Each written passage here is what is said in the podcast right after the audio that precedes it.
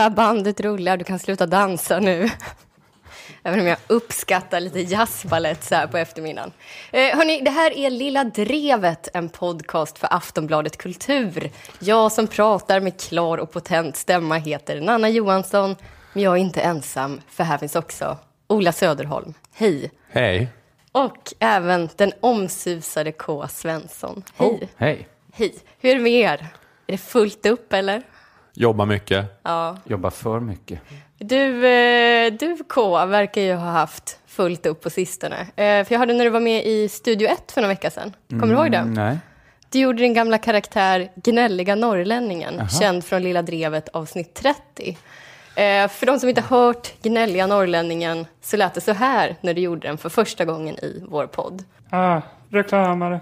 Men i Jämtland, där jag kommer ifrån, det är som, det är som, de bryr sig inte i Stockholm om vad som händer här i Jämtland. Vi bygger, vi har fått ett EU-projekt och det är som, de, de bryr sig inte. Vi, vi, vi bygger ut infrastrukturen. Men det är som i Stockholm, så bryr sig de inte. Vi har, vi har ökat medellivslängden med 14 månader. Men det, det, det, är som, de bryr sig inte i Stockholm. Vi har, vi har, förs- vi har sura tallskogar, men de, det är som, de bryr sig inte. De bryr sig inte? Södermalm om våra tallskog.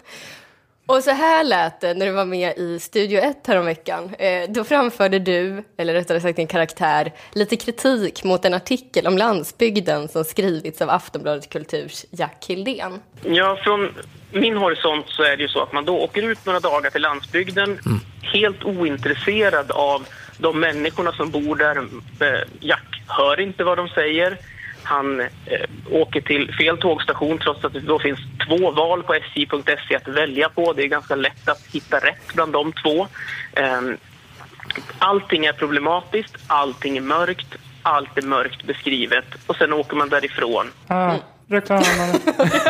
Men där jag kommer ifrån, det är som, det är som, de bryr sig inte i Stockholm om vad som händer här slå Vi bygger Ja, det, det ska vi inte gå det igenom. De Eh, klagar på att Jack Hildén inte hit, tog fel tåg. De klagar på att han, ja, eh, att han liksom koketterar med att han eh, inte kunde hitta. Men du, eh, du hade ändrat på rösten lite, men annars är det ju samma gamla goa karaktär. Mm. Eh, jag tycker det är fint att du hittat på ett namn eh, till gnälliga norrlänningen nu också. Vad var det nu? Magnus Stemmervall, centerpolitiker. Jättebra namn. Ja. ja, där ser man. Eh, Efter den här rivstarten så är det väl dags att dra igång podden, eller vad säger ni? Eh, visst. Ja, Låt Lilla Drevet avsnitt 66 börja. vi bryr oss.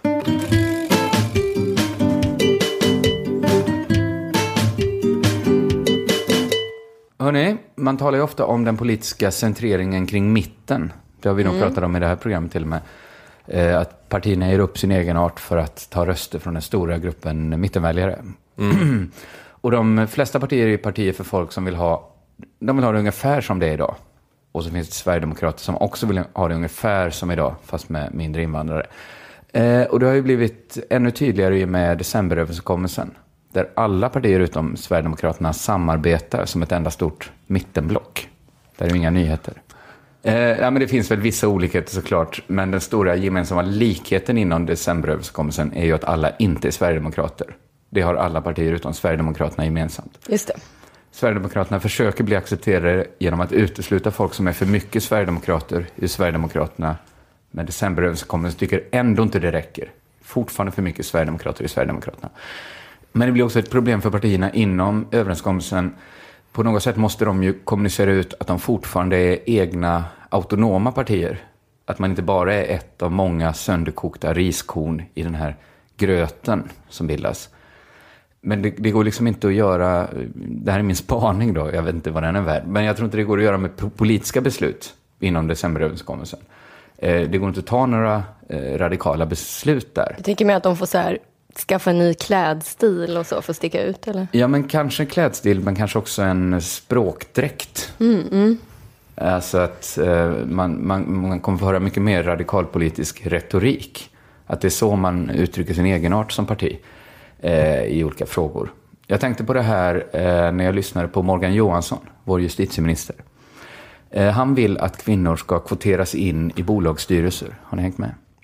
Ja, Eller var han tvungen att ta tillbaka det direkt? Ja, alltså, han har ju, de har ju börjat jobba med ett lagförslag där de ställer krav på att minst 40 procent av styrelsen ska bestå av kvinnor.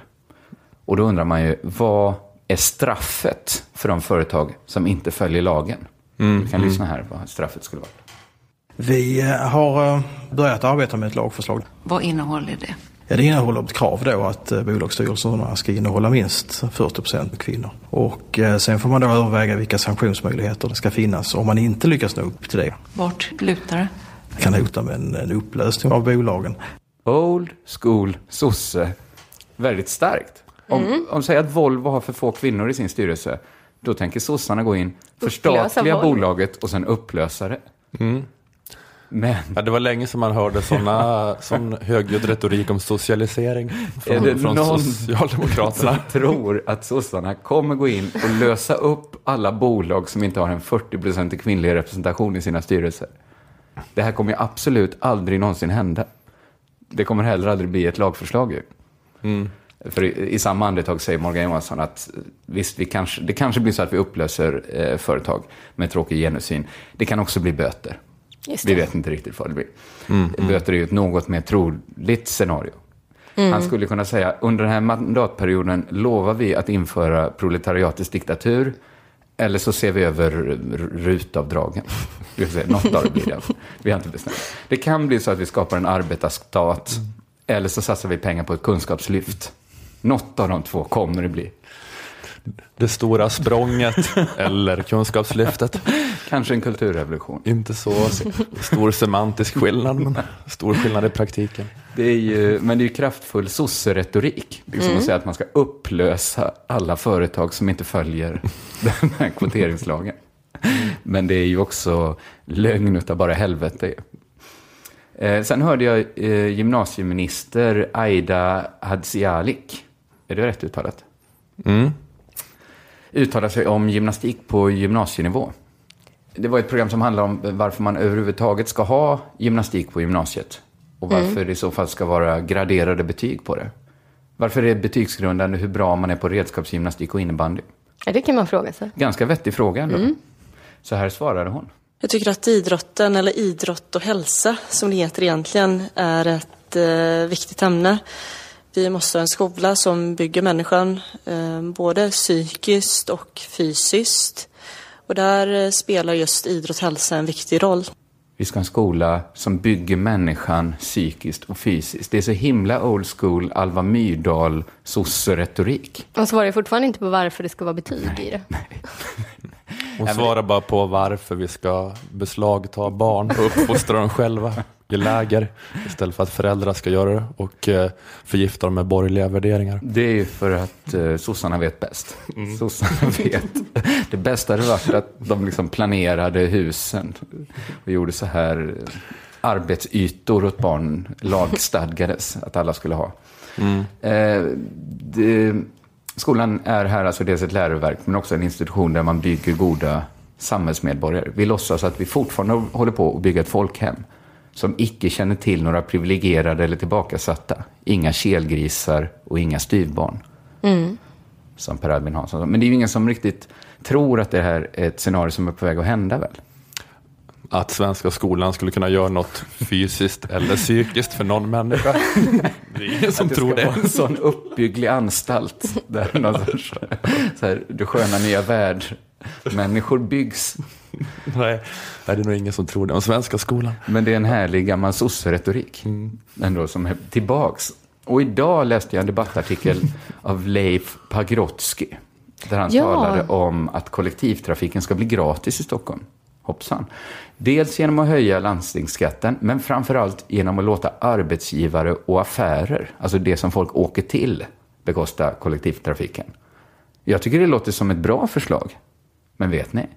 Jag tror inte det kommer hända. Nej. Jag tror inte det kommer hända. Jag blir glad om det händer, men jag tror inte man kommer få igenom en höjning av arbetsgivaravgiften som täcker den kostnaden. Jag, ty- jag tycker ingenting talar för att det är det läget just nu. Det är härligt med det här sosserycket nu. Ja, men det betyder ju ingenting. Det är bara retorik. Nu, Ja. nu kanske jag tog, nu var det taskigt att bara ta sossarna som exempel, för jag tror att liksom alla partier kommer att hålla på så här och liksom spänna vaderna i liksom uttalanden. Fast man har ju verkligen längtat efter det med dem. Men Att, sossarna? ja, lite färg i det partiet. Jo, men jag, ja. Men jag har sett den här eh, dokumentären Den enda vägens politik. Har ni sett den? Nej, Har ni hört talas om den? Nej. berätta för lyssnarna. Eh, Berätta om det roligaste och bästa du någonsin sett. Men det handlar om eh, att det är något eh, paradigmskifte för vad, hur nationalekonomerna tänker nu. Att det var den här Milton Friedman-grejen med den nyliberala eran. Och sen bara kolla Piketty upp, funkar det här? Nej, och nu bara byter alla. Så nu är IMF också så för höga skatter på de rika. Eh, och så att alla nationalekonomer har bytt eh, fot från en dag till en annan. Men tror du att politikerna är på väg tillbaks? För det är ju det som skulle behöva hända i så fall. Ja, men det var det de visade på att eh, han visade på så här klipp, typ så här Anders Borg, Fredrik Reinfeldt sa så här för tre, fyra år sedan, bygga tunnelbana, är du galen? Det var det sjukaste jag har hört någonsin. Vi har liksom inte pengar till eh, ens eh, skolmat. Och sen så tre år senare, vi ska bygga tunnelbana. Att, att det bara bytte så jättesnabbt. Samma människor sa det. Det skulle ju bli spännande, för att nu har vi, det var länge sedan det var på det sättet ju. Att man kände att det var någon idé att rösta eller något sånt där. nu vet man ju, man känner sig ju urtöntig när man går och röstar. Jag gör faktiskt inte det. Nej, men det är väl för att du är en tönt innerst inne. Ja, kanske. Det är bara du, i ditt naturliga habitat. Och jag trivs faktiskt väldigt bra i de röstlokalerna. Lilla föreningsmänniska. Jag är ingen föreningsmänniska. Ja, du- Kalla mig aldrig mer föreningsmänniska. Den som bär flest stolar till mötet, den får bestämma. Det är så du vill ha det. Du är som en sån här invandrargubbe. Fy fan, Anna. Jävla Stick till invandrargubbe. din Viktor Sköra-förening. Sitt i kassan. Utse en ordförande och sekreterare. Nanna räcker upp. Någon som vill vara justerad. Inte Nanna igen.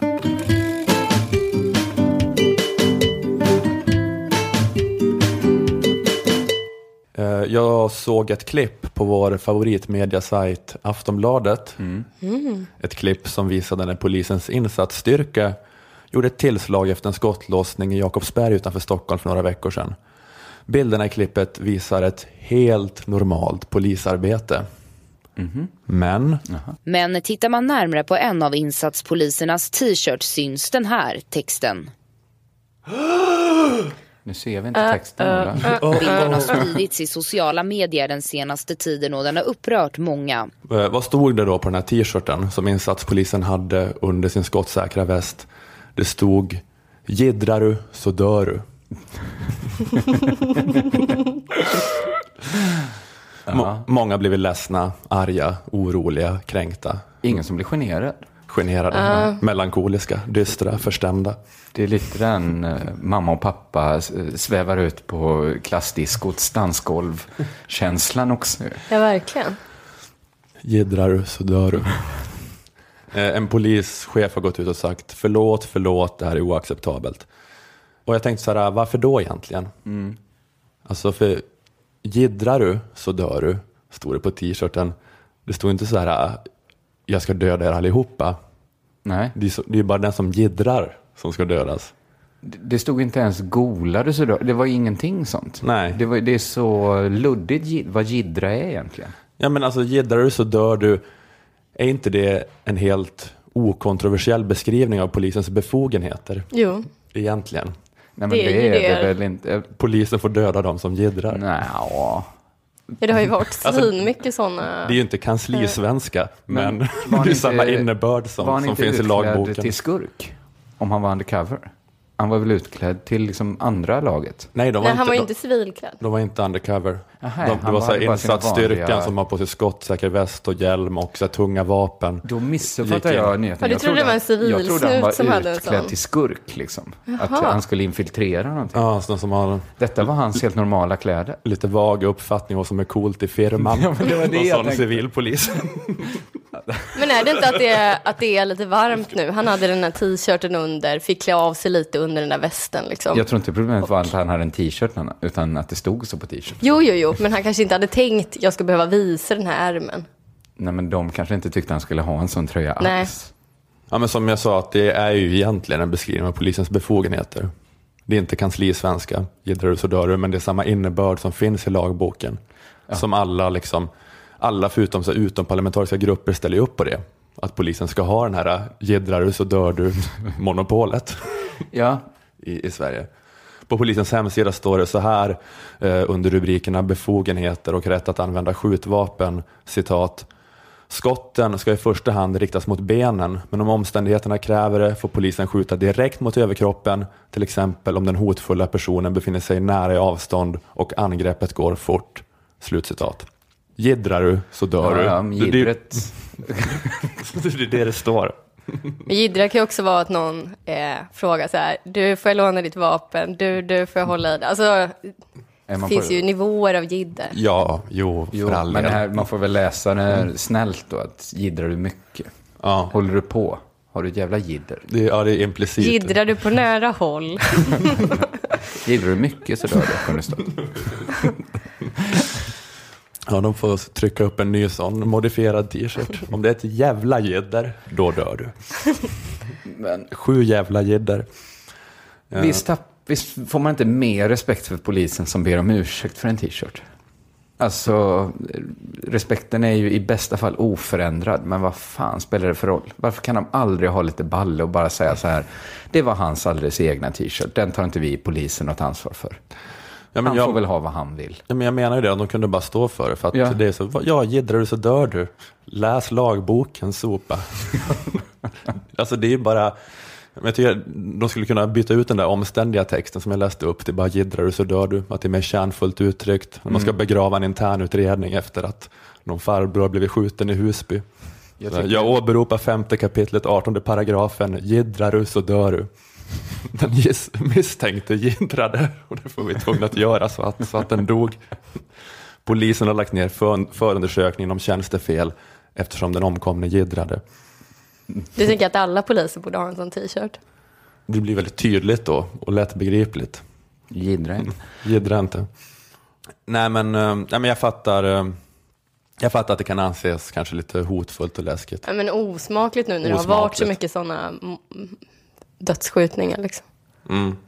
Var? Ja, det är ju jättemånga som har blivit skjutna av polisen. Var det Och det bara en varit- i Husby? Det var en i Nej, Varberg det var det också. också. Ja. Jaha. Tror jag. Då var Det det, tickar på. Mm. Men jag tänker att det, det är nog en statistisk sanning vi kommer få leva med. Hur länge går de? Två veckor i polisskolan och sen får de vapen och ut på stan. Ja, jag tror att det är så. Vad är kravet? Att du är tjej eller invandrare eller typ en smart av bland vakter?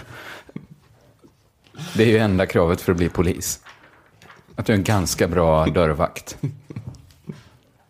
Eh, Eller kan sätta upp håret i en jättestram hästsvans. Ja, Eller en sån här tönt invandrare som sviker dina gamla kompisar. Skojar bara, det sista. Ja, men då kanske det blir så till slut. Det blir någon dödsskjutning per år. Ja, Men jag undrar om det är, är det någon som har sett dem, om det liksom finns sådana tröjor att köpa eller om han har specialbeställt det. Typ verkligen gått in på en sån t-shirt-sida och fyllt i den här texten i den här färgen på den armen.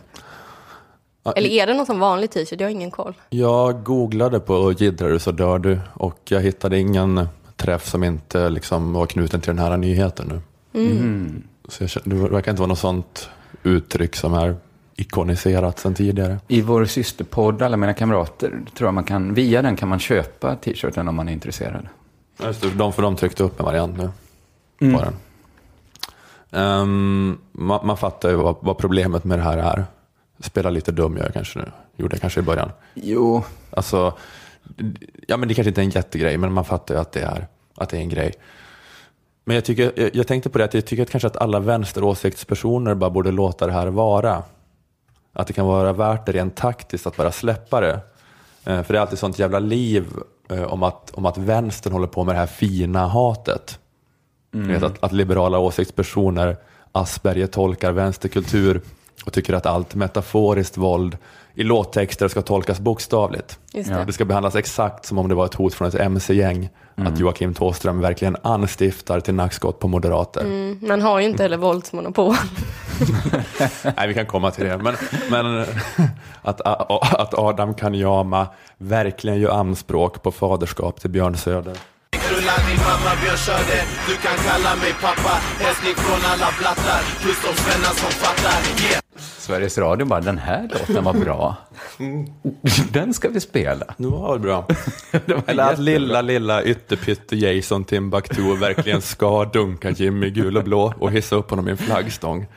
Vi ska låtsas som att det verkligen är det som kommer hända, för vi skriver på DNs ledare och är supertöntiga.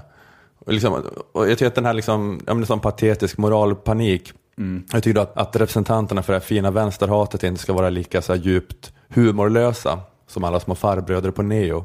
Nej, vet, Att de, det är ska, de det- ska bara säga då, ja det var ett skämt, giddrar du så dör du, kanske inte var roligt, men jag orkar inte heller låtsas spela dum och tro att det är ett hot på riktigt.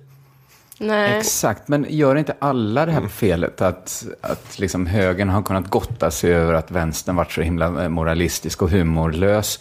Och sen så sa våra kompisar i tankesmedjan kallade Alice Teodorescu för husblatte. Och helt plötsligt kom liksom en efter en av, av, av högermänniskorna ut som töntar dem också. Som liksom inte kunde se en kontext eller se liksom ett jävla skämt.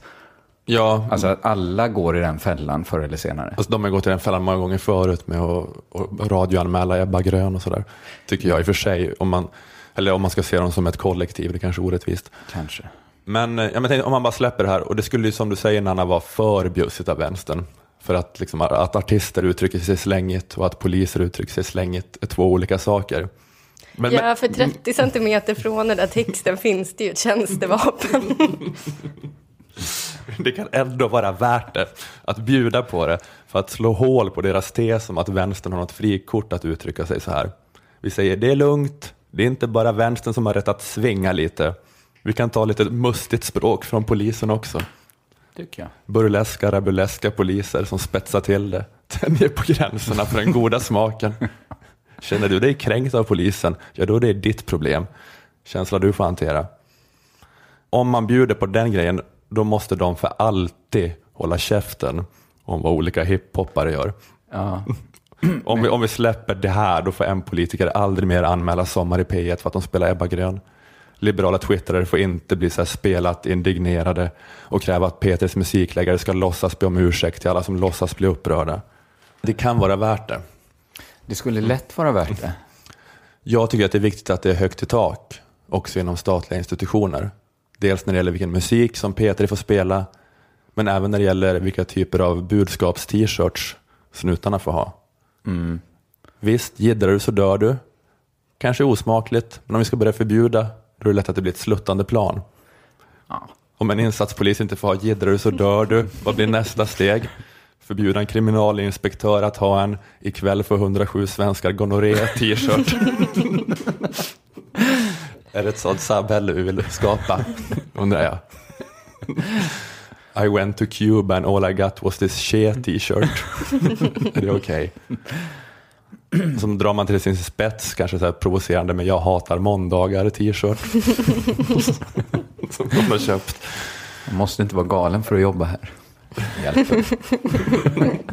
Det är funkofobiskt att ha en sån t-shirt.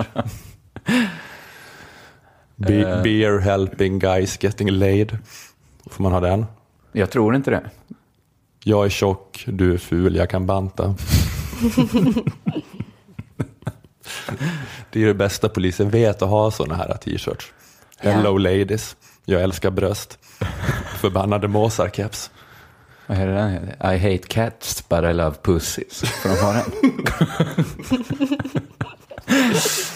Ja, det blir väldigt lätt ett sluttande plan. Ja, det blir det. Ja. Det hör jag det. Och då kan man liksom inte, får man, kommer man inte kunna se i framtiden poliser liksom storma någon sån pundarkvart. Millions of people have lost weight with personalized plans from Noom, like Evan, who can't stand salads and still lost 50 pounds. Salads, generally, for most people, are the easy button, right? For me, that wasn't an option. I never really was a salad guy. That's just not who I am. But Noom worked for me. Get your personalized plan today at Noom.com. Real Noom user compensated to provide their story. In four weeks, the typical Noom user can expect to lose one to two pounds per week. Individual results may vary.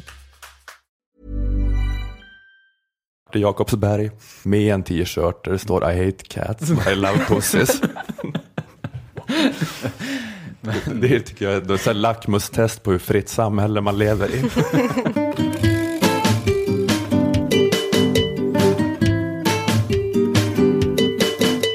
Hur peppade är ni på en eventuell plats för Sverige i FNs säkerhetsråd? Superpeppar. Ja, förstår det. Den nya regeringen är också superpeppad. Eh, de vill att Sverige kandiderar för att få en av de roterande platserna i rådet under perioden 2017 till 2018. Eh, I Agenda i söndags var det ett reportage om just det här, Sveriges önskan att bli en del av säkerhetsrådet. Eh, men vad är då säkerhetsrådet, för den som inte har så bra koll? Jo, eh, det består av fem permanenta medlemsländer, USA, Ryssland, Kina, Frankrike, Storbritannien och tio roterande som sitter på tvåårsmandat. Och det är alltså ett av de här tvåårsmandaten som Sverige står och dreglar över. Peppar, peppar. Ja. Eh, säkerhetsrådets uppgift är att se till att det är fred i världen. En snabb blick på just världen visar ju att det inte funkar supereffektivt. Tänk om vi inte hade haft säkerhetsrådet. Nej, det vågar man inte ens tänka Nej. på. Eh, och att det inte går så bra eh, beror nog på att de permanenta medlemmarna hela tiden sitter och kockblockar varandra med olika veton.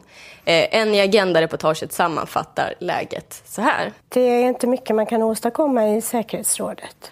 Nej. Eh, nej, inte så mycket man kan åstadkomma, men Sverige är ändå supertaggat på att få vara med och åstadkomma, citat, inte mycket.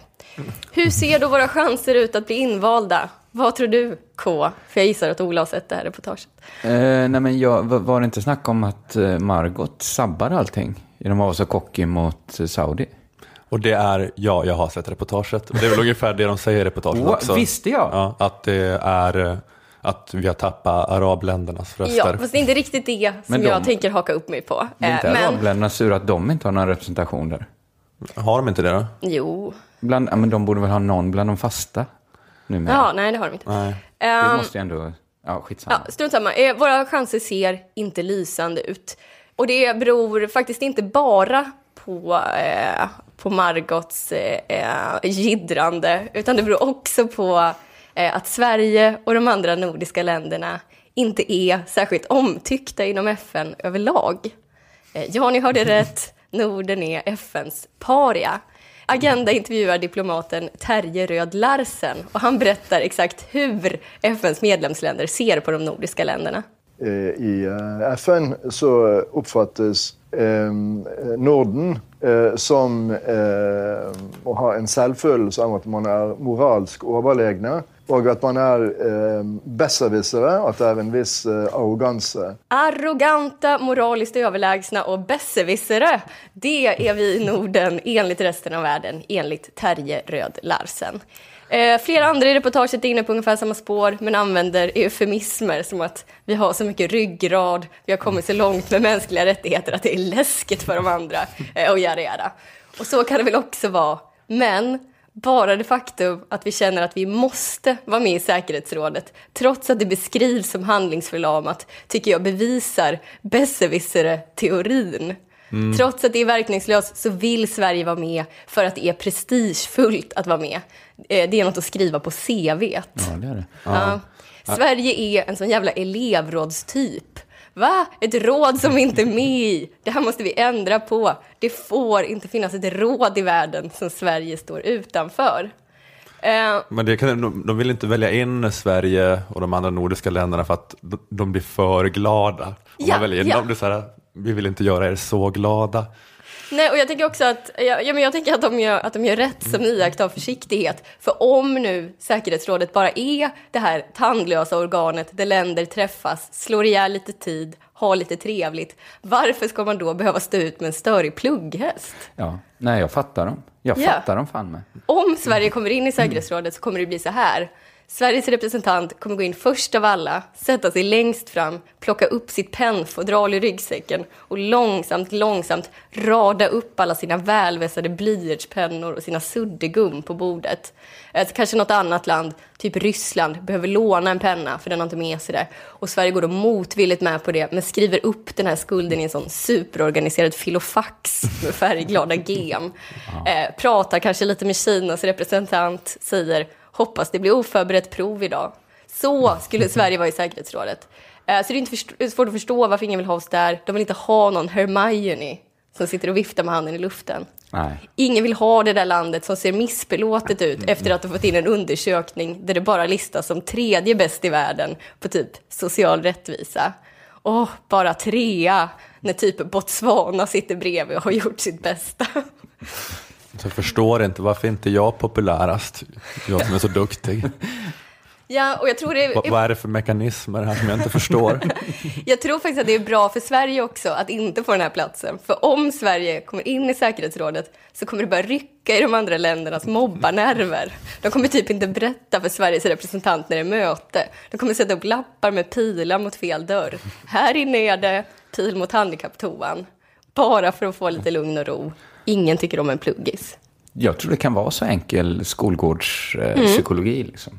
Men, eh, men också det här att vara för glad över att få vara med och sitta bland de stora grabbarna. Ja, precis. Och att, det sa de väl också i det reportaget, att eh, de håller på att tjata för mycket om mänskliga rättigheter hela tiden. Jag vet, jag tog inte med det i, i just det här. Men eh, Man måste ta emot lite för både FN och säkerhetsrådet att så många tycker det, att det är jobbigt, snacket om mänskliga rättigheter. Att det sinkar ner alla diskussioner.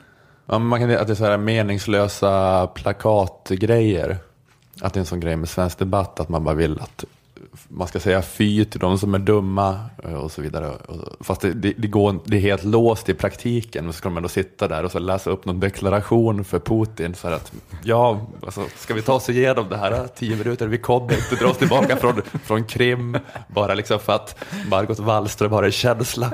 Det är så, här, det är så långt från realpolitik.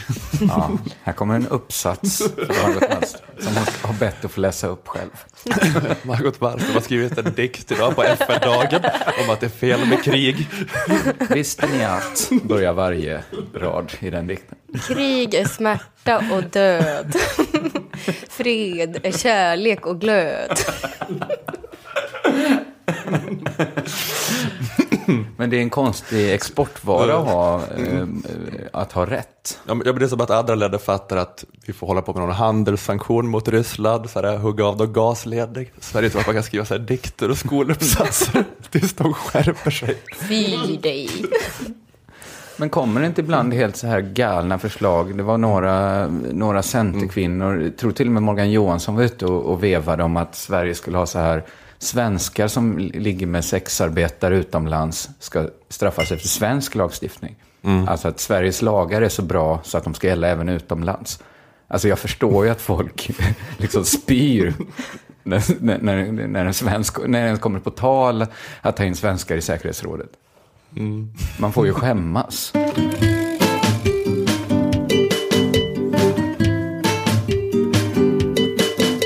Eh, senast vi satt här på ditt kontor, Ola, det var för två avsnitt sedan. Just det. Då talade vi om brott och straff ganska länge. Eh, bland annat om Mm. stigmatisering, stämpling och sånt här. Vi fick fint beröm på Twitter, såg jag. Både Rose Alliance, som är en rättighetsorganisation för svenska sexarbetare som jobbar emot stigmatiserande och prostituerande, och Twitterkontot Svensk Hora hyllade oss. Vi vet inte om det här är två personer. Ska vi säga. Det skulle kunna vara samma. Två Twitterkonton. Eh, men det är två Twitterkonton. Eh, men ändå roligt att få beröm. Eh, för att vi och Liv pratar om hur moraliska entreprenörer och moraliska lagar skapar brottslingar. Mm.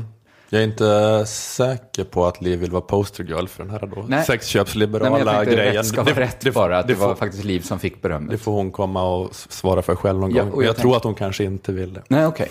Eh, och då sparar vi prostitutionsdebatten helt enkelt. En dag ska vi ta den. dis- Det kliar ju i fingrarna på oss alla att ta den diskussionen. På en av oss. Mm. Men vi kan väl nöja oss med att konstatera att stigmatiseringen av de prostituerade kvinnorna är ett problem för de kvinnor som prostituerar sig. Ja. Eh, Ett exempel är att det är minst lika vanligt bland män som kvinnor att prostituera sig. Bland unga män och kvinnor det är vanligare att unga män prostituerar sig. Men den manliga prostitutionen målas aldrig upp som samma problem. Som gayvärlden inte stigmatiserar prostitution på samma sätt. Bla, bla, bla. Vi ska inte prata om det här nu. Men, men om man ändå ska säga någonting så har vi en lag som gör den som köper sex kriminell. Det är ju det vår sexköpslag sä- säger. Mm. Och det gör att offret för brottet är den som säljer sex helt enkelt. Att kvinnorna som säljer sex stigmatiseras som offer. Eh, och det kanske, eh, så kanske det är. De kanske är offer för eh, sexistiska strukturer. Det kanske vi alla är. Om man har den liksom, feministiska teorin. De, vi ska inte prata om det här. Vi ska inte göra det. Nej, okej. Låt oss Du bara ska, du, ska, konstatera. du, ska bara, Jag ska du, ska, bara- du ska bara läsa upp en inlaga här om din, med din ultraliberalism här. Nej, det Oemotsagd, inget för ultra- vi, vi ska inte prata om Jag det. vill Du ska, bara du ska bara komma, säga. Jag vill bara att vi kan Ha en hamra in något som ändå är självklart för alla. Att ett stigma i sig är dåligt för den som blir stigmatiserad. För att det krymper en människa till en egenskap. Mm. Det är det som ett stigma är.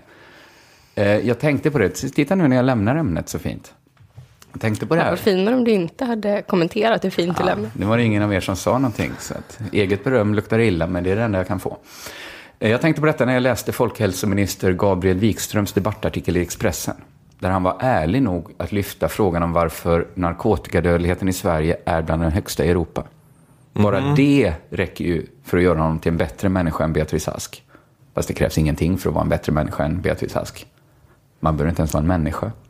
En vild babianhona uttalar sig bättre i narkotikafrågor än Beatrice Ask. I alla fall, detta är också bara postulat vi kan hamra in innan vi ens sätter igång och pratar. Mm, mm. Ja, men jämfört med resten... En babian hon är bättre på att läsa The Onion än Beatrice Ask i alla fall. Mycket bättre. Jämfört med resten av Europa så är det få i Sverige som brukar narkotika. Och sedan 2010 har användningen av narkotika miss, eh, minskat. Däremot är dödligheten hög och fortsätter öka. Så här skriver till exempel socialdemokraten Hillevi Larsson i en riksdagsmotion från 2014. Sveriges restriktiva hållning i narkotikafrågor har varit framgångsrik när det gäller att minska det experimentella bruket av narkotika. Men politiken har drabbat de som redan befinner sig i missbruk. Vi har minst lika många tunga missbrukare som övriga Europa och en ökande dödlighet. Tråkigt. Och ja, det här känns som att det, det, det, ett, det finns en förklaring här eh, som ligger i, i stigmatiseringen. För att om man för en restriktiv narkotikapolitik och har lågt i tak-debatten så får man eventuellt då färre narkomaner. Problemet är att de narkomaner man får dör. Ja, lite den här stämplingsteorin då att eh, Ja. men det som många säger att man minns från knarkinformation i skolan att känner du en gång lukten utav te, att det, då röker te, då är det en vecka bort innan du Innan du står på och suger av en gubbe. På Innan du tar heroin. i ögat så att den ska gå snabbare upp i hjärnan. Mm. Så, så har det blivit då, ja. Ja. Mm. Knark är knark och så fort man börjar med det man förlorad. Och då kan man tro på det själv kanske också lite Precis, grann. och tanken är ju såklart att det ska leda till färre narkomaner, att man skräms. Och det gör det kanske också. Men de som inte blir skrämda, de får det ännu värre. Mm. Samma sak med sex- sexköpslagen. Då, man ska, alltså den är tänkt såklart att leda till mindre prostitution. Men de, för de som ändå prostituerar sig blir det jobbigare. Så frågan är alltså, man kan ju ställa frågan på sin spets och, och, och fråga sig så här, ska vi ha många narkotikabrukare och låg dödlighet? Eller få narkomaner och hög dödlighet? Alltså att det är det som är valutan vi handlar med, om man ställer upp det. Vilka betalar priset för att medelklassungdomar inte ska röka hasch? Det gör de mest utsatta i samhället, narkomanerna. Det är ju den logiska följden av den här liksom stigmatiseringstanken. Ja, det har väl de redan valt. Alltså, jag menar politikerna. Att det är... Vi ska ha, Ja. att några, några få betalar priset ja, med sitt liv. Det är också, men det är också mera dödlighet enligt statistiken i Sverige då. Jämfört med andra länder som har fler brukare, Mm. men färre Exakt. döda. Precis. Alltså, Sverige är någon slags EU-topp när det gäller dödlighet. Ja. Mm. Och framförallt i förhållande till hur få som brukar narkotika, verkar det som. Mm.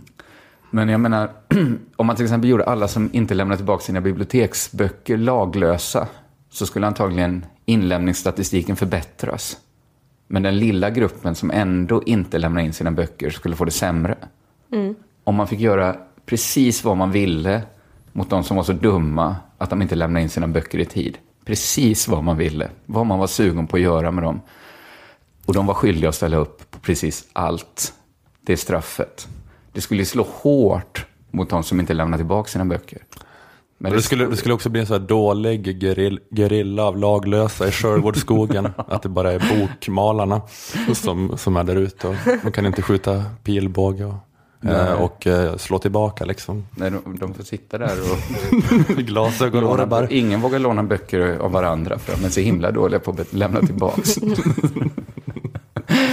Men det skulle ju förbättra lånestatistiken. Om vi bestämde att det var lika fult med fågelskådning som med pedofili så skulle säkert många slu- vi skulle slippa mycket fågelskådare. Förbättra statistiken. Ja. Ja.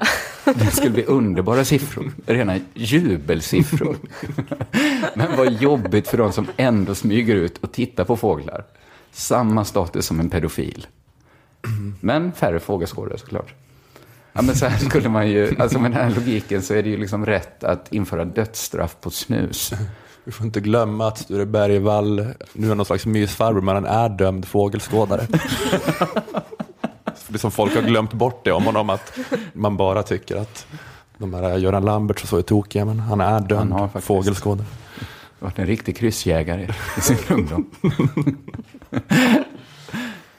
Nej, men, men jag tycker ändå det är ganska intressant om det är så att man måste välja mellan de här två alternativen.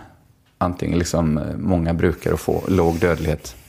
Det är inte säkert att världen är inte så enkel så att det blir så, men, men om det är liksom är idealexemplen som man, som man diskuterar utifrån.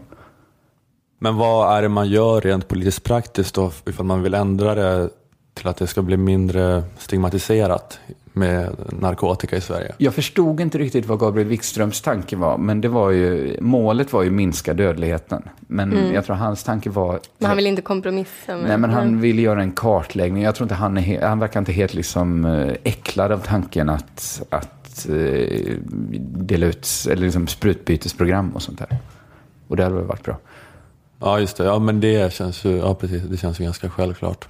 Men man, de kommer väl ändå inte börja legalisera någonting, eller? Det tror jag inte. Det, nej. det skulle förvåna mig om Sverige inte är bland de sista i Europa att göra det. Men är det så i vilka länder är det som har bättre statistik när det gäller dödlighet, mindre dödlighet? Är det kanske att Holland har fler brukare men färre döda? Det tror jag. Men nu nu gissar jag ju bara för jag har inte den statistiken. Ja. Men, men det, både, han tog själv upp den liksom ovanligt höga dödligheten i Sverige. Som det liksom inte pratas sådär jätte... Beatrice Ask pratar ju aldrig om den. Nej. Eftersom hon älskade det, det rådande systemet. Det verkar ändå vara liksom någon skillnad mellan Gabriel Wikström och, och, och Beatrice Ask. Nu var inte hon folkhälsominister, va? Men, men hon uttalade sig i samma frågor. Men det där handlar ju så mycket om eh, hur man behandlar heroinister. Att det är, har varit helt jävla sinnessjukt. Att, och det är ju på något vis, eller jag tänker, det har kanske inte så mycket att göra med attityden i skolan och hur man informerar om droger och så, eller säkert en del. Men, men, men, men när, när folk väl har kommit till att vara heroinister, hur de behandlas då, att det skulle man kunna ändra på och ändå vara en moralistisk kärring i sin knarkinformation. Jo. Alltså att den grejen är så jävla konstig. Att de sparkar ut folk från Subutex-program hela tiden och att Mm. de har gjort sådana här undersökningar med eh, jag tror det var något när det började i Sverige att de gjorde något sånt med Subutex-program, att de testade en första gång med hjälp av placebo-test. Mhm. Att de gav en grupp människor Subutex och bytte till sockerpiller Just för det, det här har hälften vi pratat om. efter, efter halva tiden. Vilket är så mindblowing. Att det är så super, super stark medicin som kan ersätta heroin. Att ni måste, att ni måste placebo-testa det. Till en början fick alla deltagarna i forskningsprojektet Subutex. Men efter en period byttes Subutexet ut mot sockerpiller för en del av patienterna. Vilka som inte längre fick Subutex visste varken patienter, läkare eller anhöriga. Ingen i Subutex-gruppen dog under projektets gång. Men det gjorde fyra i kontrollgruppen. Eh, För att då var det i den här kontrollgruppen var det liksom några stycken som dog för att de tog återfall och tog heroin igen. Ja. Eh, Så men det- skulle man inte testa andra patientgrupper? Vi testar att operera utan bedövning nu. Mm. Vi ska se om det, om det verkligen gör så ont. Så, så gör man ju inte. Men jag, tror, jag hörde en historia om en kompis när de spelade in tv-serien Bron. När de var över i Danmark. Och så, så skulle de spela in på Istegärde. Och då rusade det ut, precis när de skulle sätta igång och spela, rusade ut en heroinist med full erektion. Mhm. Inga byxor. Och körde kanylen rakt i ollonet och skrek. och jag bara kände så här att den typen av gla- levnadsglad heroinist ser jag aldrig i Sverige. Nej. Jag ser aldrig någon göra något så, något så Spektakulärt. spektakulärt. Nej. Det är det. Jag vet inte, men En seger för livet känner jag. Ja. Det är väl inte den gängse sinnebilden för levnadsglädje. Nej, Heller, så. nej, nej, nej. Men om man är inte sådär Filip, Plocka vårens första blomma. Köra ner en kanin i ollon. så här, Filippa Reinfeldts instagrammor måste sluta lägga upp bilder på heroinister som kör Var fick, var hon ens den emojin ifrån? Ja. Blått hjärta, blått hjärta. Köra kanyl i ollonet, emoji. Hashtag Stockholm. Hashtag Love. Ta- hashtag tacksamhet. Twittra direkt från nya prinsessbröllopet. det är sån här lycka jag känner nu. Men det är också kul med de där när man sitter och kollar på bron och är så här, är det här Malmö eller Köpenhamn? Den scenen skulle liksom inte kunna hända i Malmö, så det skulle bara vara direkt så här, Köpenhamn. Man behöver ingen sån dateline längst ner. Det är den bästa, tydligaste Danmarksmarkören man kan ha. Istället för några så här gatskyltar på danska eller Glyptoteket i bakgrunden. Så kan man bara ha i bakgrunden att det står en heroinist. Hackar sig i Hackar, kuken. hackar i kuken med kanin.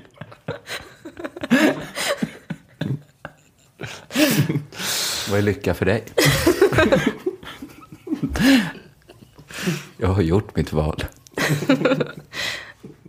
Han är en sån där karaktär i reklamfilmer i Danmark. Han är deras Iprenman. Mm. Telia-pappa. Det är så här pensionsförsäkring att du ska ha en gyllene ålderdom. En sån, en yngre version av honom får se.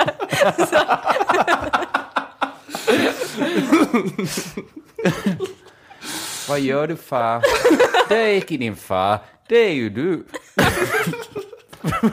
Förlåt min usla danska. Mm. Just det. Och så en gråhårigare version av honom själv. Så hackar sig i kuken i ett lite futuristiskt landskap.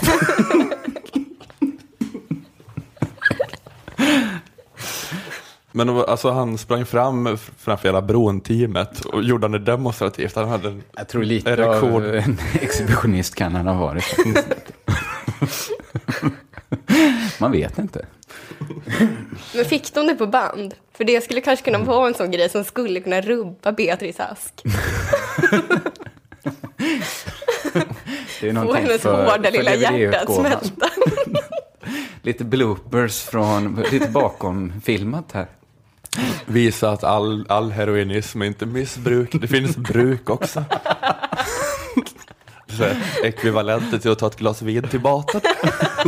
Springa med, med Så erektion, svensk. springa med råståndet runt på Istergärde. Hacka sig i kuken. Det är bara, det är bara socialt knarkande. Ni har gjort om det till att hacka sig i kuken. Ni är så äckliga ni två.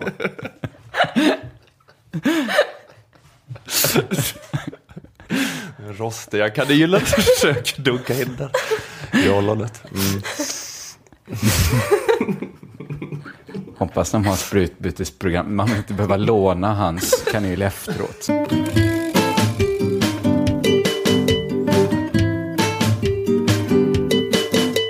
Ja, då var det dags att säga adjö för den här gången. Tack till Aftonbladet Kultur, tack till K och Ola, eller som jag kallar er, Kola.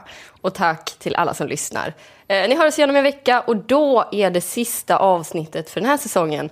Då utlovar Ola något alldeles speciellt. Eller hur Ola? Mhm.